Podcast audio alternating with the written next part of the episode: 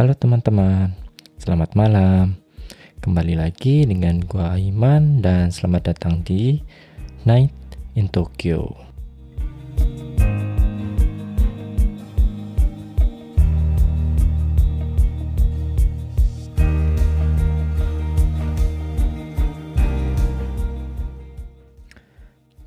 Halo teman-teman, kembali lagi dengan gua Aiman di Night in Tokyo. Gimana teman-teman kabarnya? Semingguan ini semoga teman-teman tetap sehat, tetap baik-baik aja, tetap lancar semuanya, pekerjaannya juga, uh, studinya juga, terus rezekinya juga. Nah, untuk episode kali ini teman-teman, uh, guestnya itu adalah seorang apa ya caregiver atau kaigo kalau dalam bahasa Jepang, tapi dia masih calon. Jadi masih belajar yang nantinya dia itu bakal jadi kaigo atau caregiver di Jepang. Nah, uh, di sini langsung aja ada Dele Haro. Dele. Halo. Gimana kabarnya baik? Alhamdulillah baik. Uh, sekolahnya Sekolahnya lancar walaupun lagi PKL. PKL, baitonya ya? Bait, bukan. PKL itu Jisoo. Oh, Jisoo. Jadi sekolah kan ada PKL-nya gitu loh. Oh, pergi langsung udah. ke Gembanya, pergi oh, langsung pergi langsung ke, ke Gembanya. Oke, oke. Nah, uh, kan kita pernah ngobrol gitu. Terus kamu cerita kayak dari Indonesia uh, apa sih namanya? ada program kayak caregiver gitu kan datang ke Jepang. Nah, uh, bisa cerita sedikit nggak sih kehidupan ya waktu itu atau sebelum pas eh sebelum kamu datang ke Jepang gitu loh. Waktu berarti lulusan apa SMA ya masih ya? Aku SMK. Lulusan SMK. Ya. Ada. Bisa sorry sorry. Bisa ceritain dikit nggak ceritanya waktu SMK terus uh, lulus dan datang ke Jepang kayak kayak gimana kita? Ya jadi waktu sebelum datang ke Jepang itu kan aku masuk ke SMK kesehatan ya, mm-hmm. uh, eh, SMK kesehatan jurusan keperawatan. Oh. Nah biasanya kalau misalnya SMK gitu atau SMA yang oh. mau lulus pasti kan ada kayak ghost to kampus gitu. Jadi selesai dari sekolah itu tuh kalian mau ke mana itu pasti bakalan diarahin sama sekolahnya. Mm -hmm. Jadi waktu itu ada salah satu perusahaan dari Jepang itu datang ke mm. Indo uh, datang ke sekolah aku tuh buat ngejelasin seminar tentang kaigo apa sih kaigo itu mm. pekerjaan kaigo tuh yang kayak gimana. Mm. Kayak Jepang lagi membutuhkan caregiver. Mm -hmm. Itu semuanya dijelasin di seminarnya itu. Mm. Aku lihat di situ kayak oh menarik juga ya gitu maksudnya hmm. orang Jepang juga nggak terlalu banyak yang jadi kaigo jadinya hmm. aku kayak tertarik aja gitu kepanggil buat jadi seorang caregiver di Jepang dan di Jepang lagi ya Hai, di Jepang karena istilahnya di Jepang gitu maksudnya negaranya udah maju juga hmm. pengen nyari pengalaman juga hmm. gitu nah dari Jepangnya sendiri ada ketertarikan gak sih dari dulu misalkan suka animenya atau apa gitu atau cuma ah uh, ada seminar kayaknya menarik ke iya. Jepang lagi terus berangkat ah atau atau gimana atau dari dulu ada ketertarikan dengan Jepang juga nggak? Kalau sebenarnya sih kalau jujur nggak ada ketertarikan sama sekali sama Jepang jadi cuma di di seminar dijelasin uh, gajinya juga disebutin okay. gitu jadinya ya wow. terus sekolah juga maksudnya ditanggung gitu sama pemerintah hmm. Jepang jadinya kayak oh ya udah nih orang tua gue udah tua juga takut kenapa-napa hmm. kalau masih di Indonesia pun akhirnya kayak ngeberaniin diri ke Jepang aja kali ya gitu kayak terus-terus di pikiran apa ke Jepang aja ya tadinya hmm. aku sebenarnya pengen kuliah lanjut ke perawatan juga di oh, universitas ke universitas tapi kayaknya kok kayaknya pengen nge-challenge diri sendiri aja gitu pergi hmm. ke luar negeri kan yaudah akhirnya aku memutuskan untuk belajar hmm. bahasa Jepang kan tadi cerita uh, bahwa sekolahnya dibayarin gitu. Iya. Berarti secara secara nggak langsung ini kan sebuah program gitu kan. Iya. Udah ada programnya, mungkin ada kontraknya juga mungkin. Ya. Iya, nah betul. itu bisa ceritain sedikit nggak sih uh, program ini gitu, yang memang berarti itu perusahaan Jepang nyari iya. orang yang bakal bisa jadi calon-calon apa sih namanya caregiver atau kaigo itu kan. Iya. Dan itu programnya kayak gimana sih? Jadi sebenarnya itu aku kan ikut program swasta. Sebenarnya Hmm. ada program yang bukan swasta itu namanya IPA. Kita Oh, dikenal IPA, IPA. iya, Jadi iya. itu benar-benar susah. Itu negara yang milih. Negara Oke. Indonesia sama Jepang yang milih. Hmm. Mereka nggak lulus kokasiken, nggak lulus ujian nasional, mereka langsung dipulangin ke Indonesia. Oh. Itu program yang benar-benar kuni yang ngambil benar-benar negara yang Hmm. ngambil. Tapi kalau program yang aku ikutin itu program swasta. Jadi eh, perusahaan sendiri itu yang nyari anak, bukan Hmm. ikut pemerintah. Jadi Hmm. perusahaan satu perusahaan itu nyari anak yang pengen jadi caregiver. Hmm. Nah sistemnya itu eh, karena aku waktu itu bahasa Jepangnya belum bagus, jadi sistemnya satu tahun sekolah bahasa, dua tahun sekolah Caregiver, caregiver ini di Jepang ya. di Jepangnya ini. Nah satu tahun sekolah bahasa ini sebenarnya eh, itu eh, perusahaan yang nanggung. Hmm. Nah dua tahun ini beasiswanya dari pemerintah, Oh. dari gitu. pemerintah Jepang, pemerintah Tokyo. Oh Tokyo. Nah Tokyo Tokyo di Oh, sini jadi pemerintah lokal eh bukan pemerintah daerah Tokyo Iya, ya. daerah Tokyo. Iya. Jadi uang aku eh, uang sekolah aku ini dibiayain asalkan aku harus kerja lima tahun. Jadi kayak ikatan dinas istilahnya Oh, di iya, Indonesia iya, itu iya. ikatan dinas. Di situ aku mikirnya eh, pas seminar dulu itu kan 8 tahun dibilangnya. Hmm. Aku mikirnya ah kelamaan, tapi aku sodang lagi, aku rapat lagi sama orang tua aku. Ya dibandingkan kita sama aja kayak kita dikerja di Indonesia, selesai kuliah harus cari kerja lagi kan. Oh iya Cuma ka- kalau ya. di sini udah tinggal belajar yang bener selesai sekolah nggak usah cari kerja lagi Langsung langsung masuk langsung masuk udah langsung ditanganin gitu nah jadi eh pokoknya ke- kalau sekolah mau dibayarin kita harus lima tahun kerja di dalam Tokyo Hmm, hmm, hmm. aku nggak kerja di perusahaan atau sponsorku yang sekarang juga nggak apa-apa asal aku kerja sebagai caregiver selama lima tahun di Tokyo daerah. Tokyo karena biaya sekolah aku kan dibayarin sama pemerintah Tokyo kayak gitu Eh, syarat-syarat atau apa gitu waktu masuk ada nggak sih? kalau Kayak ada seleksinya gitu atau enggak? iya syarat-syarat yang berat sih nggak ada cuma Hmm. sebelum ke Jepang itu kan tentu aja harus belajar bahasa Jepang Oh iya, juga kan pasti.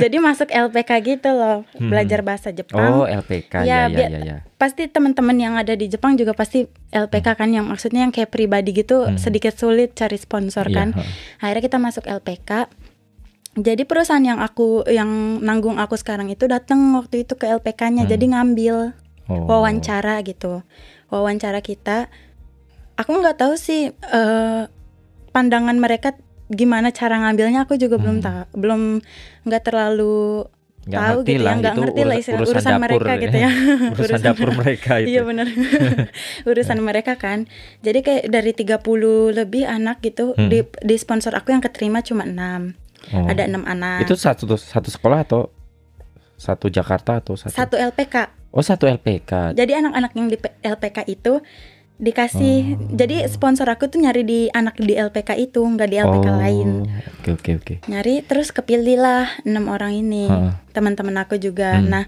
perusahaan aku ini ada di Nishi Arai Katsushika sama Ayase jadi kita, dari Hmm. kita berenam kita dipisah-pisah gitu Oh, loh heeh. istilah tapi satu perusahaan cuma Hmm. beda tempat aja gitu Nah itu seleksinya seleksinya itu ada mensetsu wa- biasa loh mensetsu, interview biasa Interview. gitu kayak kenapa pengen ke Jepang gitu bahasa Jepang. bahasa Jepang. Dulu aku belum dapat N5, jadi itu sehari sebelum ujian N5 itu udah diinterview pakai Oh. bahasa Jepang. Tapi waktu itu ada translatornya, translatornya itu guru bahasa oh Jepang. oke oke. Yang dari LPK itu. Iya. Mhm. Tapi ditanyanya yang gampang-gampang gitu, namanya Hmm. siapa, Hmm. umurnya berapa, terus kenapa pengen ke Jepang gitu. Jepang itu negara yang kayak gimana sih? Cuma Hmm. ditanya gitu Nah doang. terus gimana mereka milihnya? itu yang nggak aku itu yang nggak aku Oh tahu iya, kan tadi ya. Iya, nah terus eh itu tuh karena angkatan sebelum aku Hmm. orang yang sebelum aku berangkat datang ke Jepang itu katanya ada yang salah nama katanya harusnya Oke. itu nyesek banget kan ini yang kepilih orangnya kayak gimana gitu jadi Hmm. akhirnya ditanya sama guru aku kenapa milih ini kenapa milih ini kenapa apa benar eh, dia yang kamu pilih gitu Hmm. maksudnya dipastiin lagi lah takut kejadian yang sama Oke, keulang kan hmm, hmm. akhirnya eh, kalau orang Jepang katanya lihat aku anaknya Genki terus Akarui Oke. katanya. Oh iya katanya iya, gitu iya. ditanya. Mungkin dari cara kita yang menjawab, cara kita duduk atau cara kita gimana mungkin dibandingkan bahasa Jepangnya, Hmm. dibanding dibandingkan ini anak pintar apa enggaknya. Hmm. Si Si, kayaknya lebih kayak Apa ke ya? sikap sih. ya sikap Mungkin karakternya ya.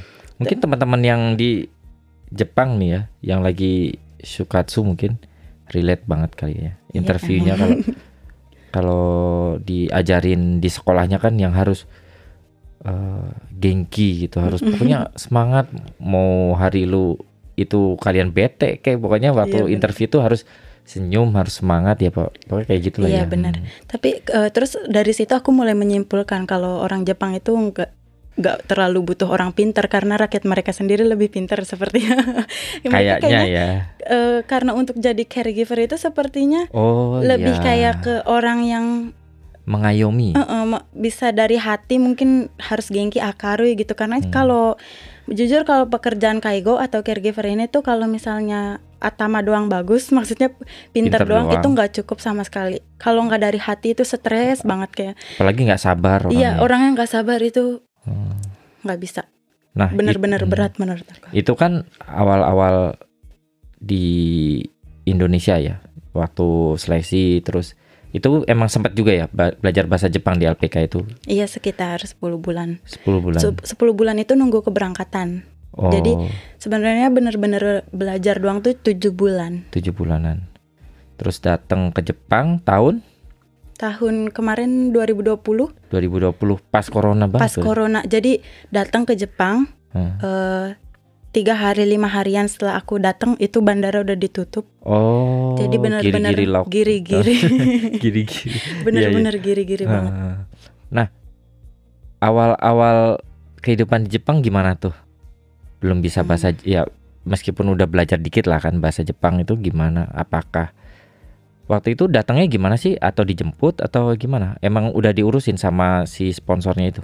Ya jadi waktu itu dari pihak Indonesianya sih ada yang nganterin Hmm. nah kalau eh, ada yang nganterin terus pas jadi ditukar gitu loh jadi ada yang j- jemput juga di sini Hmm. ada yang jemput juga di bandara orang Jepangnya langsung yang nanggung aku Hmm. yang yang buat apa namanya ngurus-ngurus ryugakse ngurus-ngurus pelajar asing Yang pelajar asing. ya eh, ngurus-ngurus pelajar asing tuh ada datang Hmm.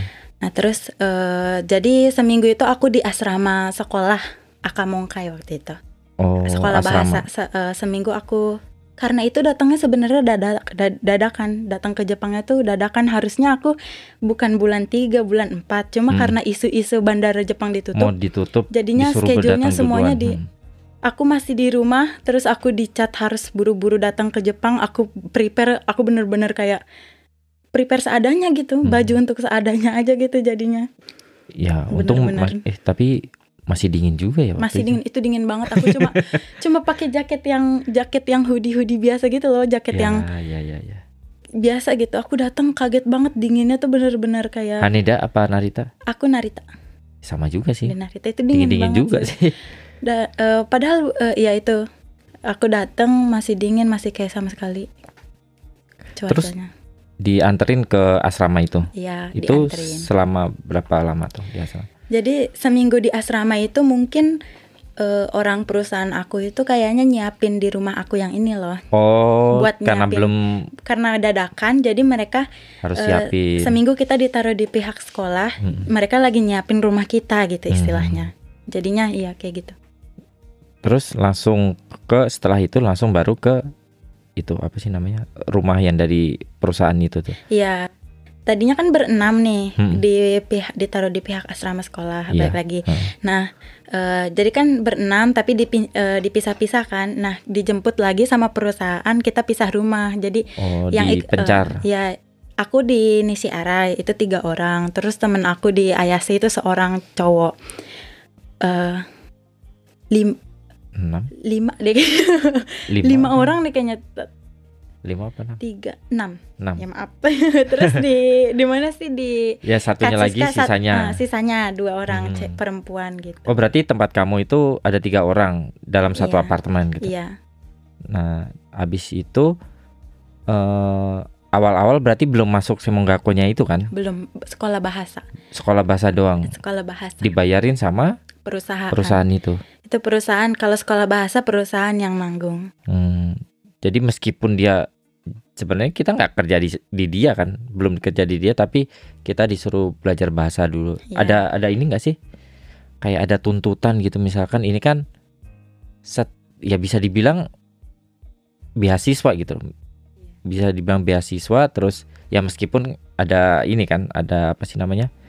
Ada kontrak kerjanya gitu loh, nggak kayak kayak mombu mombu kan nggak ada nggak ada kontraknya ya kalau udah selesai sekolahnya bebas kalian mau kerja di mana nggak nggak harus di Jepang juga boleh nah Hmm.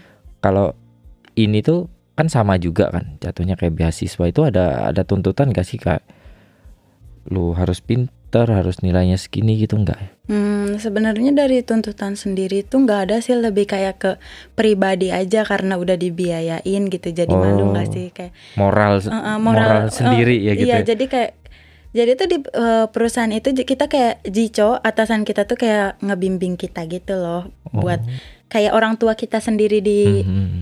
orang tua kita sendiri belajar yang bener ya, belajar yang ini ya. Jadi aku datang pun aku baito kok.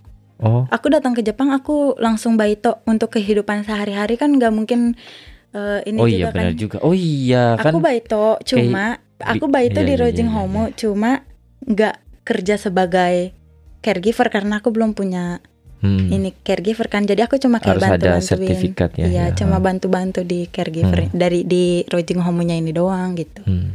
oh iya benar juga ya meskipun Iya. apa sih namanya Eh, biaya sekolahnya dibayarin kan Biaya hidupnya kehidupan, nggak ya ada. bener nggak ada nggak ada tapi rumah dibiayain rumah bayar sendiri jadi, jadi eh, dari gaji itu udah dipotong sekitar Oh. tiga mang sangzeng karena jadi tiga so, tiga puluh tiga ribu. Gaji dari bayi itu? Itu dari baito itu dipotong. Oh jadi jadi sekolah dibayarin kalian baito di tempat kita iya. nanti kita bayar ya uangnya buat bayar apartemen sama bayar Iya, kehidupan masing-masing. masing-masing gitu. Oh kayak gitu. iya kayak gitu. Rapi juga ya maksudnya? Iya. Nggak yang datang-datang terus dilepas dilepas kayak domba gitu. enggak enggak enggak itu bener-bener di kita awal datang kan zamannya corona ya bener-bener kayak suhu badan semuanya ditanyain terus Hmm. kayak nggak boleh keluar dalam waktu panjang kayak kalau mau Hmm. ke Supa silahkan tapi jangan pergi kayak jalan-jalan gitu loh Hmm. jadi aku aku belum pernah apa ngerasain susahnya corona gitu tuh udah datang ke Jepang pun paling jauh cuma ke kombini oh iya, iya. cuma ke Supa gitu jauh sekolah doang udah gitu Hmm. doang jadi sekolah juga dulu online sampai bulan 6 Hmm? sampai bulan Juni aku tuh dulu online nih Honggo Gakunya jadi aku kayak shock gitu loh kayak udah datang saya aku udah datang ke Jepang tapi kayak nggak merasakan nikmatnya gitu loh karena corona ini balik lagi ngelihat layar doang iya gitu. kayak ngeliat layar doang kayak tiap hari sekolah baito sekolah baito udah gitu doang Tapi awal-awal ada ini gak sih? Ada kendala gitu apakah kayak shock culture gitu? Hmm, shock culture sih aku belum terlalu tahu ya soalnya kan nggak ada siapa-siapa selain teman orang Indonesia sendiri oh kan. iya Jadi di aku itu ya. Ah. ya aku nggak tahu eh, nggak terlalu tahu budaya Jepang kayak gimana, harus Hmm. kayak gini gimana. Aku juga nggak tahu. Aku pas hujan naik sepeda nggak boleh pakai payung pun aku nggak tahu sama Oh sekali. nggak ada yang ngasih tahu ya? Nggak ada yang ngasih tahu. Maksudnya Oke. benar-benar kayak kalau bukan dari diri sendiri tuh Hmm. masih zero banget bener-bener Oh. gak tahu bahkan di kombini pun kadang kalau belanja eh reji bukuro eh ya Iya. bukuro bukuro gorio deska gitu kan aku nggak ngerti sama sekali tuh kayak apa ya ngomong apa ya Plastik belanja ya. plastik belanja gitu gak ngerti sama sekali itu paling yang susahnya waktu belanja aja sih kalau pengen apa-apa gitu Oh iya ya. Terus Gitu. semuanya kanji kan ya? Semuanya kanji Gimana milihnya waktu itu? tapi Cap cip. cip, kalau cip. kalau kalau kanji fukuro sih aku ngerti kanji N3 lah aku masih ngerti cuma Oh, iya, untuk iya. kaiwanya itu kayak masih Oh karena nggak ada nggak ada teman buat ini ya? nggak ada temen Lah di Baito itu ngobrol Sebenar- juga. cuma kan kalau ba- baru awal masuk kan Oh iya juga ya. mm, pengen deket juga kayaknya cuma sekedar Takut gimana sih namanya juga sama orang karyawan kan orang perusahaan takut gitu ganggu juga. Aku sebenarnya beruntung sih kar- eh, kalau misalnya pengen belajar bahasa Hmm. Jepang itu beruntung banget soalnya di tempat baito aku tuh Iya, aku sendiri orang Indonesia gitu, yang lainnya orang Jepang nggak ada. Hmm. Teman-teman aku yang dua ini itu kan lantainya beda-beda. Jadi kan ada enam lantai, ditaruh di lantainya beda-beda gitu. Jadi di Hmm. tempat kerja ya udah full bahasa Jepang. Iya, jadi cuma ya nihongo kan Iya. gitu kan. Jadi belajar gitu doang. Oke. Nah, eh, terus sekarang di Jepang statusnya masih pelajar juga. Masih, pelajar. tapi eh, udah bukan apa sih namanya tadi Nihongo Gakko ya, udah bukan Iya, sekolah bahasa, iya. udah bukan sekolah bahasa tapi udah di eh, semongnya itu ya, Iya. semong keperawatan, Iya, se- keperawatan lansia ini Hmm. mau caregiver. Semong caregiver. Eh, semester Baru baru semester baru tahun ini sih aku ma- Hmm, eh, nyoga Shiki jadi masih ichinensei, masih kayak kelas 1. hmm, Cuma dua tahun doang kan, cuma sampai kelas Iya. 2 doang. hmm. Jadi Nah, itu gimana tuh? Apakah sama kayak Nihongo Gakko gitu? Apakah hmm, pelajarannya pusing lihat kanji atau gimana? enakan Nihongo Gakko ke mana-mana. Aku bersyukur banget aku pernah masuk Nihongo Gakko itu serunya minta ampun. Dapet temen itu gampang banget loh di Nihongo Gakko Iya, iya. tuh. Kayak dari negara macem-macem gitu, pertukaran budaya. Terus PR-nya juga cuma kayak pe- nyalin kanji, ngapalin kanji. Hmm. Sekarang itu kayak harus ngapalin bahasa-bahasa yang bener-bener bahasa Indonesianya bahasa Indonesianya pun semong yogo ya Iya, Se- semong eh, Gakko. semong yogo tuh bahasa Indonesia pun susah diapalin kan kalau anggota tubuh bukan Hmm. anggota tubuh kayak atama me bukan maksudnya kayak tulang gitu-gitu kan bahasa keperawatan kan susah ya sekarang harus belajar dalam bahasa Jepang terus harus ujian bahasa Indonesianya aja belum ta- Iya. belum tentu tahu. iya makanya itu bahasa Indonesianya aja belum tentu tahu gitu jadi sekarang harus pakai belajar bahasa Jepang gitu aku malah nyesel kayak kok di Nihongo Gakko nggak belajar kanji kayak gini aja tuh aku nyesel karena bener-bener susah banget gitu susah Karena beda Oboe level sih ya. bener-bener susah diapalinnya gitu Nah, waktu di Nihongo Gakko tuh udah N berapa? Aku kan di Nihongo Gakko datang ke Jepang itu sebenarnya aku udah dapat N3 jadi sebelum datang ke Jepang aku punya N3 tapi Oh. N3-nya bukan JLPT N3-nya itu NATES Nah, tes Nah. Nat jadi kan ada NAT JLPT sama satu lagi apa ya aku lupa nggak terlalu Ya, Jazz kayak eh, apa sih lupa pokoknya gitulah nah aku ikut NAT waktu itu karena Hmm. udah nggak ada waktu lagi akhirnya ikut NAT nggak ada waktu buat nunggu JLPT JLPT-nya itu. Ya. Akhirnya aku ikut NATO. Nah, tapi pas sampai Jepang, eh NAT itu nggak diakuin, nggak diakuin tuh bukan Nggak tahu kali ya orang Jepang. mungkin ka- katanya eh, NAT itu gampang katanya. Oh, kata mereka. Katanya tuh eh, nggak bisa di nggak bukannya nggak bisa diakuin tapi dianggap kayak gampang gitu. Akhirnya aku sebenarnya di- disuruh ikut NAT apa JLPT N3 lagi loh Hmm, hmm. pas belajar di Nihongo Gakko sama perusahaan aku karena simpainya karena sebenarnya level aku bukan N3 gitu istilahnya. Mereka iya, iya, khawatirnya iya. kayak gitu. Nah, sementara aku di Nihongo Gakko itu aku lagi di kelas belajar N2, maksudnya kelas buat N2. belajar N2 NICI. N2 N2 NICI. ya. Teman-teman aku tuh yang orang Cina yang lain tuh pada ikut NICI, aku ikut N2. Ya, nggak usah ditanya orang Iya. Chinese kan. Oh iya teman-teman aku yang lain tuh sebenarnya NIC kan. Nah, akhirnya aku karena aku ngerasa kayak kok sayang banget ya udah sekolah di bahasa udah dibayarin gitu kenapa harus ngulang N3, N3 lagi? Aku lagi, mikirnya ya. kayak gitu kan. Terus aku eh, bersikuat aku ngomong sama perusahaan aku, aku ngomong ke atasan aku, aku nggak mau ikut N3, aku pengen cobain aku di level N2 gitu. Hmm. Eh, apa aku udah pernah ngambil N3 gitu. Tapi eh, orang Jepangnya tetap kekeh sebenarnya Keke. tetap eh, tapi level kamu tuh beda kata kayak gitu kamu eh, gak bisa level kamu yang kamu ikutin tuh hikui sampai digituin tau kamu hikui ya kayak gitu sampai di itu rendah eh, eh, katanya rendah kamu ikut N3 aja dulu ih tapi nggak apa-apa tapi sensei aku di sekolah nyuruh aku tuh N2 aja aku Hmm, hmm. sengaja ngomong kayak gitu supaya diawaseru loh sama sekolah. Percuma aku datang ke sekolah suruh ikut N3 lagi. Kalau kayak gitu mah cuma tinggal di ngulang-ngulang aja kan, Hmm. kok nggak usah sekolah gitu ngabisin duit. Udah akhirnya eh, bulan 12 aku beraniin aku ikut N2. Akhirnya perusahaan ngalah sama aku. Akhirnya aku ikut N2. Untungnya lulus. Untungnya lulus. Coba kalau nggak lulus malu banget pasti kan udah Iya. udah maksa perusahaan minta N2 nggak lulus kan Nggak lulus. sayang kan ya udah akhirnya aku lulus. N3-nya nggak dapet, N2-nya juga Iya nggak dapet itu kan. kalau yang aku gitu. seselin. Iya. Untungnya Pasti lulus. Untungnya lulus Ya, gitu istilahnya. bagus lah Iyalah. karena ya hebat dong karena N2 tuh nggak gampang teman-teman. Aku beruntung aja sih sebenarnya. Mungkin teman-teman bertanya-tanya sesusah apa sih N2? Karena level antara N3 dan N2 tuh kan jauh. Jauh bener. Tapi N2 ke N1 itu lebih jauh lagi. Itu lebih jauh kayak- jaraknya kayak sama sekali nggak Hmm. tahu. Bener. Itu kanji kanji apa ya akademis ya itu Eh, banyak N1 banget. ya. tuh lebih kayak ke kanji yang eh, Nihongo zaman dulu, terus yang keluar di TV, yang keluar di Shimbun lah pokoknya. eh, pokoknya Shimbun apa newspaper. bukan koran-koran Nichijoteki koran gitu. ya. Kalau misalnya untuk kehidupan sehari-hari sih N2 juga udah cukup gitu.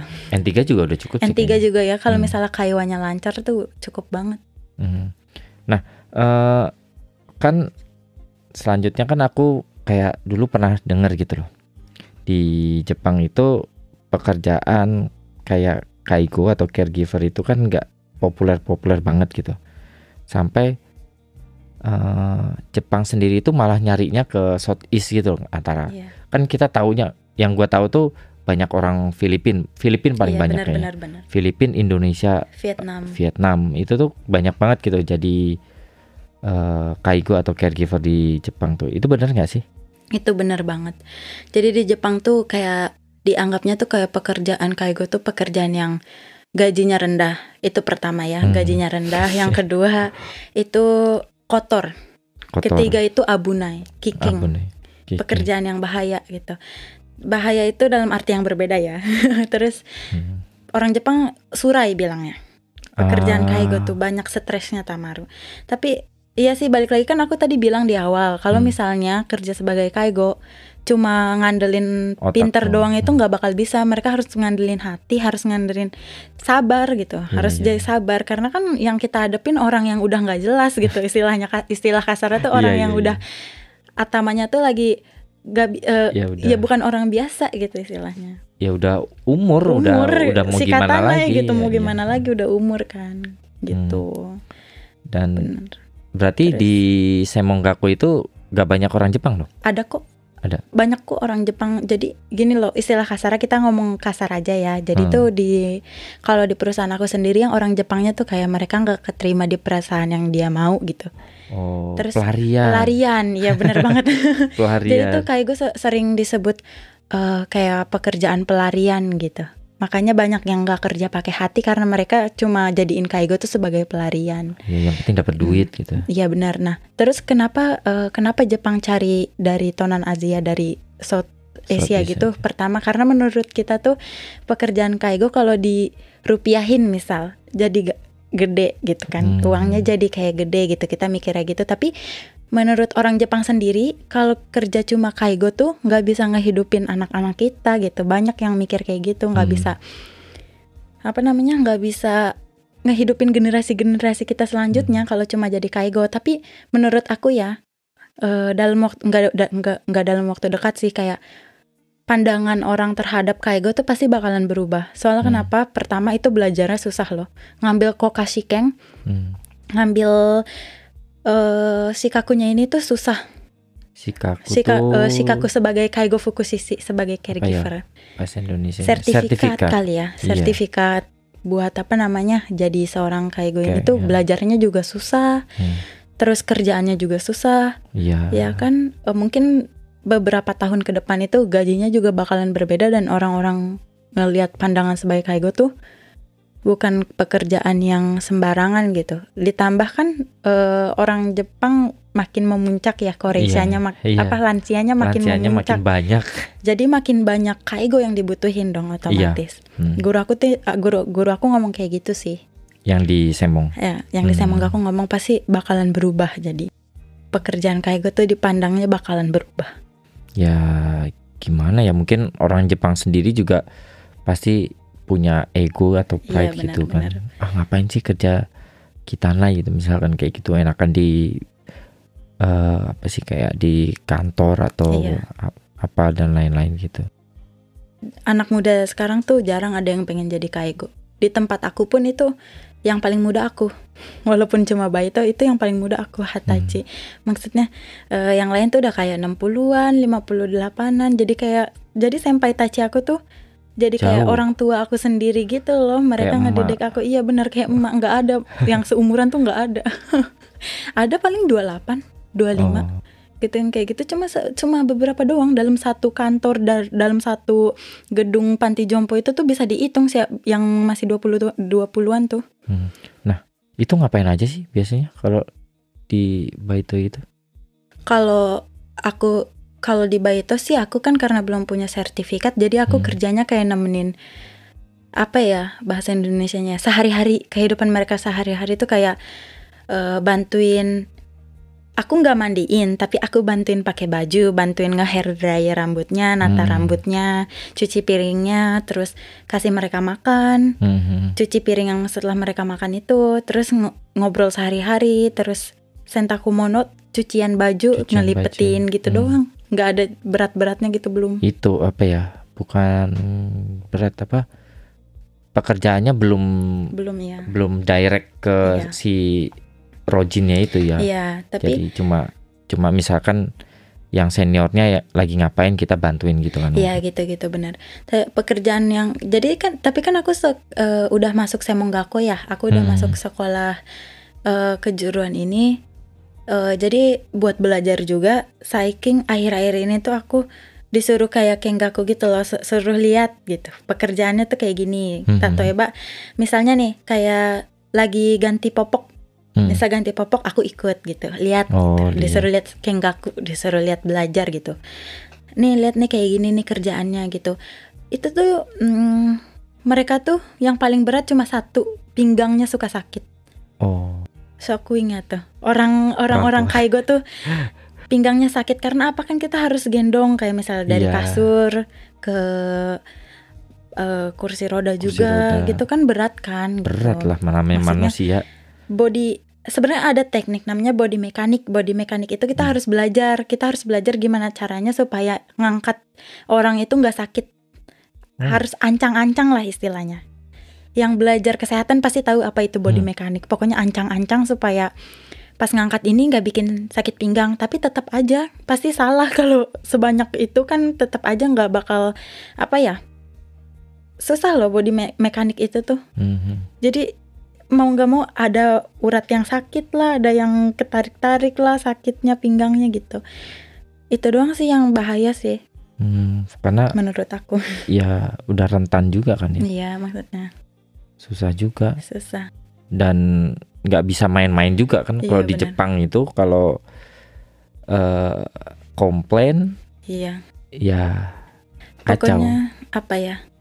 Pekerjaan ya sih benar kalau misalnya orang Jepang bilang pekerjaan beresiko, iya sih benar. Mhm. Benar karena kan kita tanggungannya orang ya, maksudnya Iya, orang udah tua gitu. Udah beberapa kasus gitu kayak kelalaian Hmm. eh kayak gosi gitu banyak yang masuk rumah sakit, banyak yang nggak banyak juga sih maksudnya kayak ada yang meninggal lah, ada yang Hmm. masuk rumah sakit. Kita lupa cabut. Aku mau cerita nih, aku ada yang lupa cabut eh gigi palsu Hmm. kaigonya. Jadi si Harusnya tiap malam dicabut. Iya, jadi si care- caregiver ini harusnya kan se- sebelum tidur ini ya harus cabut itu gigi palsunya. Ada yang lupa, tapi Hmm. bukan di sisi- eh, perusahaan aku.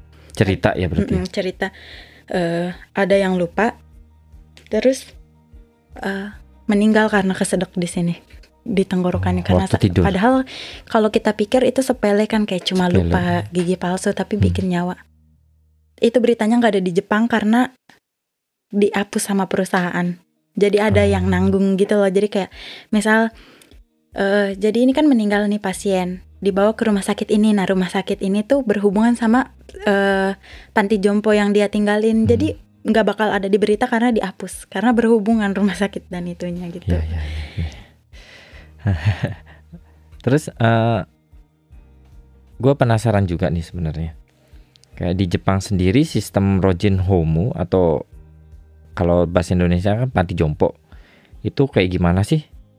Kan eh akhir bukan akhir-akhir ini kan gue juga pernah denger-dengar gitu loh kalau ada orang tua yang udah tua terus tahu-tahu meninggal aja di pak apartemen sendiri. Nah terus kayak bertanya-tanya kenapa loh dia kenapa nggak di panti jompo juga gitu dan lain-lain kayak gitu nah di Jepang sendiri itu sistemnya kayak gimana sih Eh, gimana ya jelasannya? Jadi kalau mau masuk ke Rojing Home tuh nggak bisa sembarangan langsung masuk gitu loh. Walaupun Hmm. kita eh, udah tua pun, udah 93 tahun misalnya. Hmm. Tapi kita masih sehat masih. Jadi tuh sebelum masuk Rojing Home tuh kayak harus ada ininya loh, kayak pengukur. Kayak eh, butuh bantuan misalnya bahasa Indonesianya aja nih ya. Eh, butuh bantuan berapa nih? Jadi ada levelnya 1 sampai 5. Hmm. Jadi kalau masuk Rojing Home itu levelnya harus tiga. Kalau Oh, masih dua itu minimal tiga. minimal tiga ya. Hmm. Kalau misalnya dua itu artinya dia masih bisa jalan-jalan, masih bisa belanja, atamanya masih bagus gitu. Tapi kalau udah level 3 itu Oh. yang butuh bantuan support. Jadi nggak bisa sembarangan masuk. Yang eh, kayak ada tesnya gitu loh. Hmm. Ada tesnya kayak gimana. Terus harus sodang juga. Jadi nggak bisa langsung. Misal nih pribadi nih, Kak Aiman eh, udah tua misal Hmm. langsung mau masuk Rojing Home nih Hmm. nggak bisa jadi harus sodang dulu ke kuyakuso Sodan, sodang itu apa ya? soda oh sodang itu apa ya eh diskusi ya Iya, bukan pokoknya kayak harus ya dis, bukan diskusi ya, Apa kayak ya? harus lapor dulu lapor dulu kali ya ke Kuyakuso. Kuyakuso itu kayak kelurahan ya, atau kelurahan. kecamatan. ya pokoknya di daerah center tempat di mana dia tempat tinggal. tinggal Iya. gitu dia harus ini dulu eh, Lapor. ngomong lapor dulu jadi nanti yang kalau udah lapor misalnya dia dipastikan yokaigo-nya yokaigo itu level yang tadi yang level tiga atau apa itu dia yang nyariin Rojing Home itu si ininya kelurahannya jadi Hmm. Rojing Home itu misal kakak tinggal di ada Ciku Hmm. keluar ada Ciku tuh nggak bisa boleh. jadi harus di ada Ciku juga nah terus eh, dia tuh nunggu sistemnya waiting list oh, kalau emang-. Heeh, kalau misalnya emang ada tempat ya iya dia bisa masuk tapi kalau nggak ada ya nunggu gitu jadi keluar tanggungan keluarganya kalau nggak dia di desa bisu gitu kalau aku kan Tokuyogo Rojing Homo desa bis itu kalau desa bisu itu yang sehari pulang ter paginya di paginya dijemput pulangnya di oh, yang dibawa anter pakai mobil-mobil itu iya ya? iya betul betul kan ada tuh Oh. banyak tuh kan mobil di Jepang itu Hotondo tulisannya kan desa bisu gitu kan Oh. banyak itu tuh rehabili aku Oh. sekarang lagi PKL kan Hmm. PKL aku tuh di eh, Desa Bisu. Tapi bu, de- bukan Desa Bisu biasa, Desa Bisu Ninchiso. Jadi orang-orang yang ada di situ Ninchiso semua, demensia semua. Ciso tuh udah Demensia. otaknya udah lemah lah. Udah lemah kayak udah bener-bener udah aneh gitu, udah kayak Hmm. balik lagi ke anak kecil lah istilahnya, udah Hmm. Nggak selayaknya orang tua gitu kalau udah Ninchiso tuh. Hmm. Jadi aku lagi PKL di situ, jadi aku pagi aku jemput pasien, Hmm. pulang juga aku eh, eh, pagi tuh jemputnya biasanya jam setengah sepuluh, eh jam 9 Hmm. Ada yang jam 9, ada yang setengah 9 gitu. Hmm. berangkatnya terus pulangnya jam 4 gitu jadi otak mereka eh, dilatih sehari-hari supaya nggak jadi Ninchiso itu demensia ini tuh penyakit yang bisa dilambatin tapi nggak bisa Nggak bisa disembuhin disembuhin. Dia tuh bakalan terus-terusan berlanjut Makin Lebih parah, makin parah. Ya. jadi dia bisa dilambatin tapi dia nggak bisa disembuhin Hmm. jadinya kayak supaya dilambatin itu harus beraktivitas sama orang lain bikin kerajinan Hmm. terus harus senam lah senam kesehatan gitu Motoriknya ya. motorik gitu jadi ya aku PKL di tempat kayak gitu jadi biasanya kalau emang belum di, belum dinyatakan layak buat masuk Rojing Home ya nggak bakalan masuk Rojing Home gitu. Oh, beneran. Emang kalau bisa Iya. dibilang Abunai Tahen sih iya sih. Karena Iya. yang masuk di Rojin Homu atau Panti Jompo itu kan udah berarti levelnya parah kan? Iya udah benar-benar tiga ke atas kan? Tiga ke beneran. atas. Beneran bukan bukan apa ya bukan orang tua yang masih aktif terus Iya. masih seneng ketemu anak-anaknya gitu kan ya berarti sebenarnya ada sih yang nggak butuh kayak gitu itu namanya Yurio Rojing Homo Yurio jadi jenisnya tuh ada banyak Yurio Rojing Homo itu eh, Rojing Berbayar. yang berbayar Hmm. Jadi cuma orang-orang kaya yang bisa masuk situ. Jadi mereka nggak dipastiin itu kalau mereka punya uang pun mereka bisa masuk gitu. Itu eh, benar-benar kayak hotel bintang 5 Menurut aku ya kalau ukuran karena Panti Jompo kamarnya itu juga bagus gitu ya. kamarnya juga bagus karena mereka bayar, bukan dari hokeng. Kalau masuk Hmm. Rojing Home kan hokeng. Hokenya negara ya Heeh. D- Jadi ini negara mereka bayar nenking ya dari situ uangnya Hmm. dari Rojing Home. Tapi kalau misalnya Yuri Rojing Home ya dia mereka bayar uang pribadi. tajir gitu ya mungkin Iya. apa karena siangnya anaknya kerja gitu nggak Iya, ada yang nggak ada yang nungguin mending di itu nah eh gue penasaran juga nih kalau di Indonesia tuh kan panti jompo kesannya gimana gitu ya nggak sih? benar. Benar-benar. Makanya kalau di Indonesia tuh ada istilah kalau orang tua nih udah tua terus kalian kirim ke panti jompo itu kesannya durhaka, gitu. Durhaka banget Nah, kesannya. Di Jepang tuh apakah kayak gitu juga atau Mungkin di Jepang malah sebaliknya kalau nggak dimasukin panti jompo durhaka. oh ya? Lah kan nggak ada yang ngurusin. Oh iya benar juga ya. Mereka pasti kerja iya, ya. mereka kan pasti kerja nggak mungkin. Kalau kita tuh, aku punya cerita nih waktu di Indonesia dulu kan aku sekolah keperawatan juga. Hmm. Nah ada sebuah panti jompo. Jadi di, jadi guru aku tuh cerita di panti jompo itu tuh katanya ada seorang keluarga yang pengen nganterin mamahnya Hmm. ke sana harus diwawancara dulu kan kenapa pengen masukin mamanya gitu. Oh ya. Nah terus kita kerja nggak ada yang ngurus katanya di, di- kayak gitu. Kalian eh, jangan sampai jadi anak yang menyesal jangan sampai jadi anak derhaka katanya. Digituin sama panti jomponya. Tapi kalau di Jepang itu berbanding terbalik. Masuk panti jompo karena emang butuh support karena butuh bantuan kehidupan sehari-hari kan. Karena terus-terusan keluarga yang jagain itu di, orang Jepang mikirnya pertama kan butuh kayak ada perawat yang liatin, ada Hmm. kayak caregiver yang liatin kan lebih aman kan dibandingkan Iya. kayak keluarga sendiri jadi nggak bisa ke mana-mana. Terus ya ditinggal kan? pun ditinggal pun apalagi tenang demensia gitu Iya, kan. ditinggal pun nggak tenang kan. Kalau di Indonesia mungkin ditambah nggak ada lodging home-nya itu karena kita nggak terlalu ini ya banyak nenek kakek gitu loh. Jadi kalau di Jepang kan ya. di- disebutnya tuh apa ya? Eh, lebih banyak lansia dibandingkan anak muda, anak kecil. Kalau kita kebalikan, lebih Kebalikan. banyak Anaknya anak. banyak. Iya benar. nggak ada kakek nenek. Bahkan aku di Indonesia pun di lingkungan aku kakek nenek pun nggak ada gitu. Istilahnya kita Oh. berbanding terbalik sama Jepang gitu. Makanya di Jepang banyak banget panti jompo. dan di Indonesia itu pun kalau mes- meskipun ya meskipun secara finansial itu nggak kuat-kuat banget Hmm. Eh, bapaknya doang yang kerja tuh masih cukup gitu loh. Iya benar-benar. Kalau di Indonesia kalau di Jepang masalahnya apalagi dia punya anak gitu Hmm. biaya dan main-main itu pasti at least ya at least entah istrinya itu punya bisnis lain atau enggak Iya. istrinya itu ya apa ya eh baito kecil-kecilan gitu loh Iya, kayak kayak di supa lah kayak gitu-gitu kan Benar.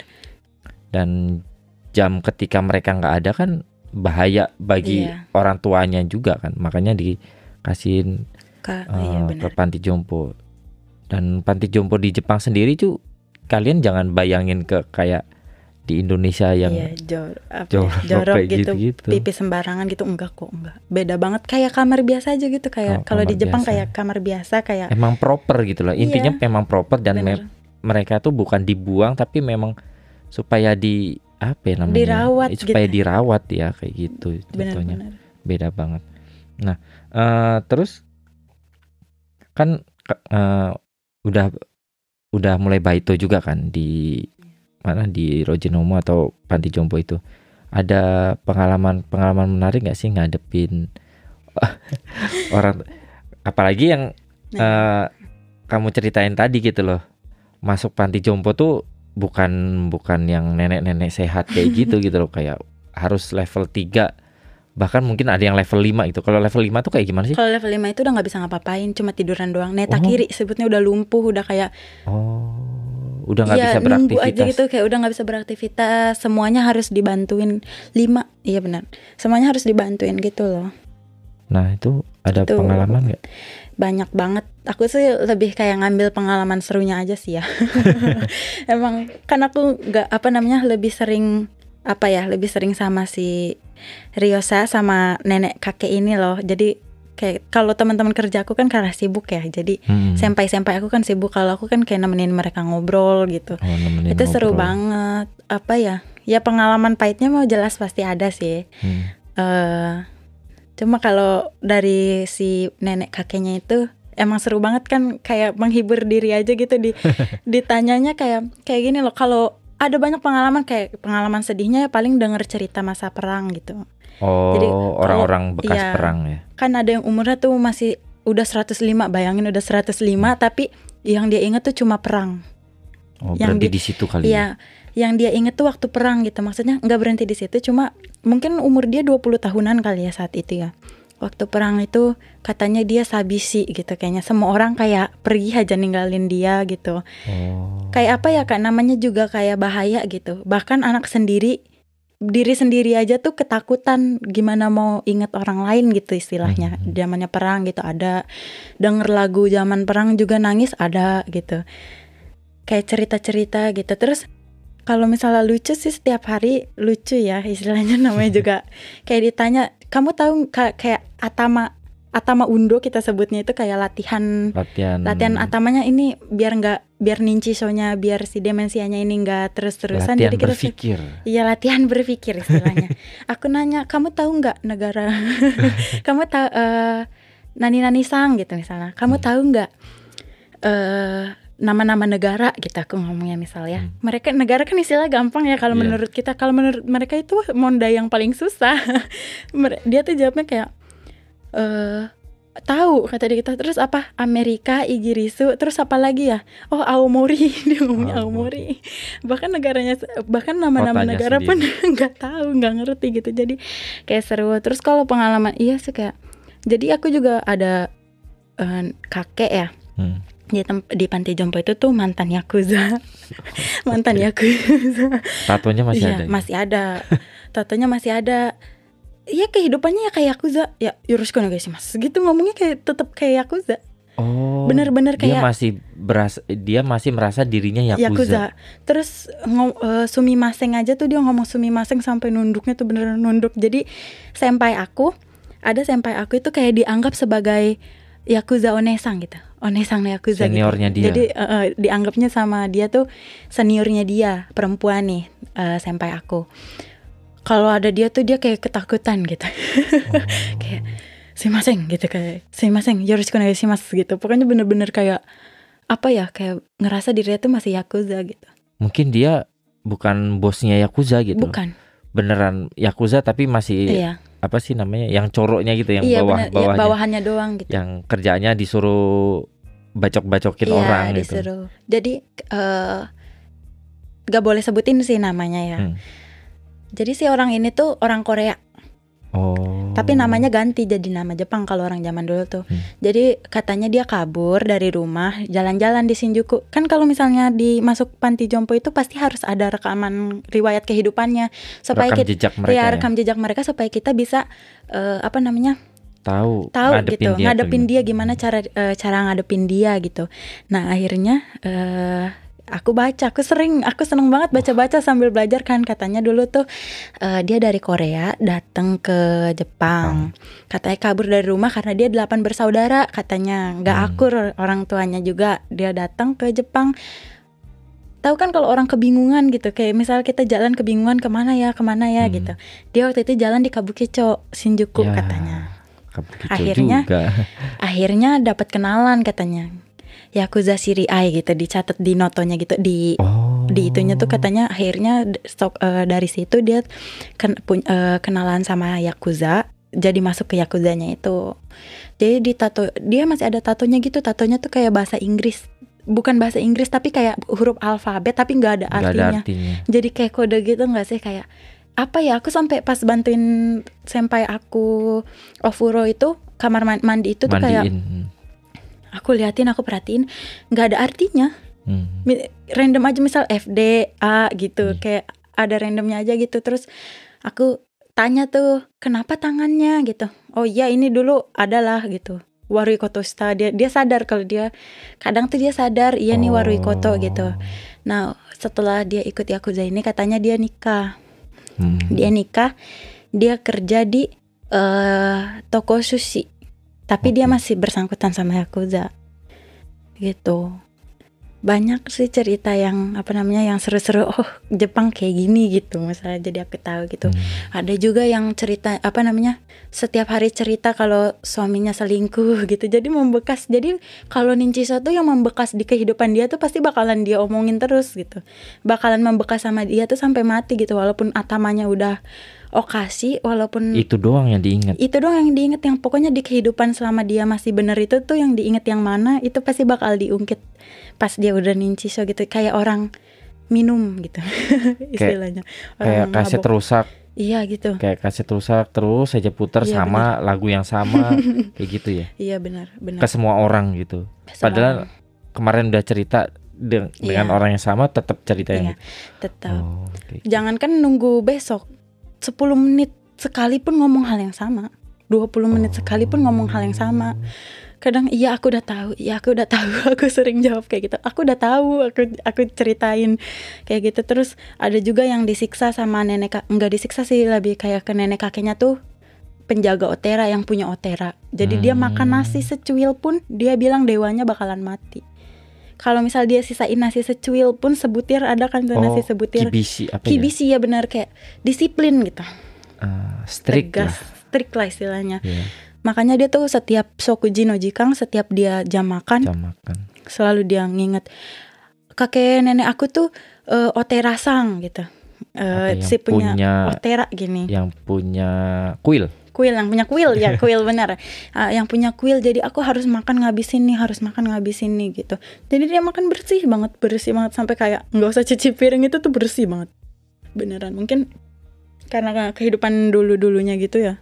Mungkin kan harus eh, menekankan rasa syukur gitu kali ya. iya benar Jadi harus ya menarik menarik. menarik. Eh, udah nih kan ngomongin tadi udah ngomongin di Indonesia gimana, terus sekarang kerjanya, baitonya, studinya gimana. Nah, ke depannya sendiri eh kalau udah kan bentar lagi berarti tahun depan lulus ya. Tahun depan. tahun depan tahun depannya lagi Oh iya Kan, tahun depan ah, tahun depannya lagi lulus kan udah pasti kerja jadi kaigo Iya. karena uh, kontrak dinas itu kan. Iya.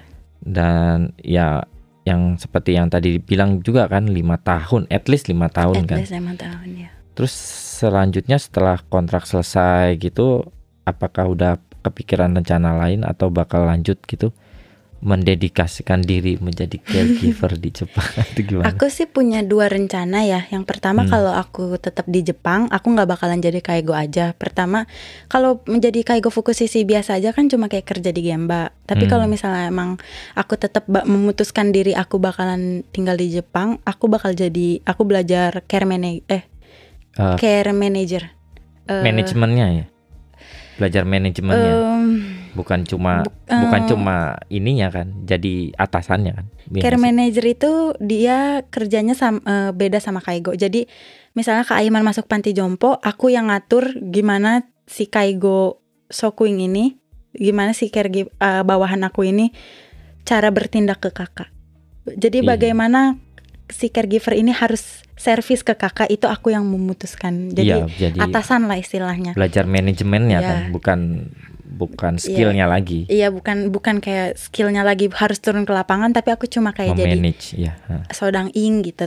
Terus yang kedua itu kalau misalnya aku pulang, seandainya aku bakalan pulang ke Ke Indonesia, kan kalau di Indonesia nggak ada tuh ya Shikaku caregiver, nggak Iya. ada apa sertifikat caregiver belum ada di Indonesia. Iya, panti jomponya aja Iya kayak kan? gitu Aku bakalan kerja di perusahaan Jepang sih, karena kalau ya ya kalau di Insya Allah kalau misalnya di Indonesia kan kalau yang punya N2 sama N1 itu kan gajinya diukur dari level bahasa kan. Kalau Hmm. N1 itu 10 juta. Hmm. Eh, untuk kerja di Indonesia itu sekitar segitu. oh Eh, N2 baru tahu. Sekitar 6 jutaan yang aku Hmm. dengar kayak gitu. Tapi menurut menurut aku kalau misalnya emang aku harus pulang ke Indonesia, aku bakalan kayak gitu sih kerja di perusahaan Jepang atau kayak Hmm. gimana. Karena ya nggak bukannya mikirin atau gimana ya kalau menurut aku sendiri kalau untuk meninggal sih enakan di negara sendiri sih.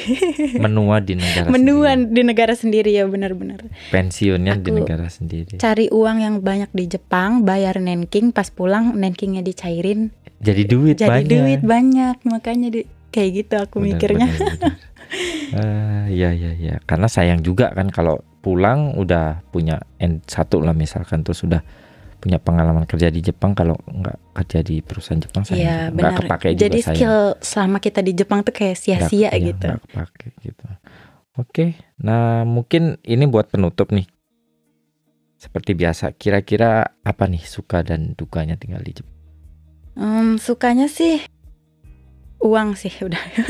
sukanya cuma uang sama ya sih kayak iya sih itu. Kalau uangnya apa ya? Servisnya orang Jepang itu bagus-bagus lah. Ya, kalau Tapi jadi customer jadi customer itu servis Jepang yang jujur enak banget. Hmm. Kayak bener-bener kayak oke aku sama wa kami sama. Jadi Iya. kayak pelanggan adalah Tuhan kalau Tuhan. sistem Jepang kayak gitu.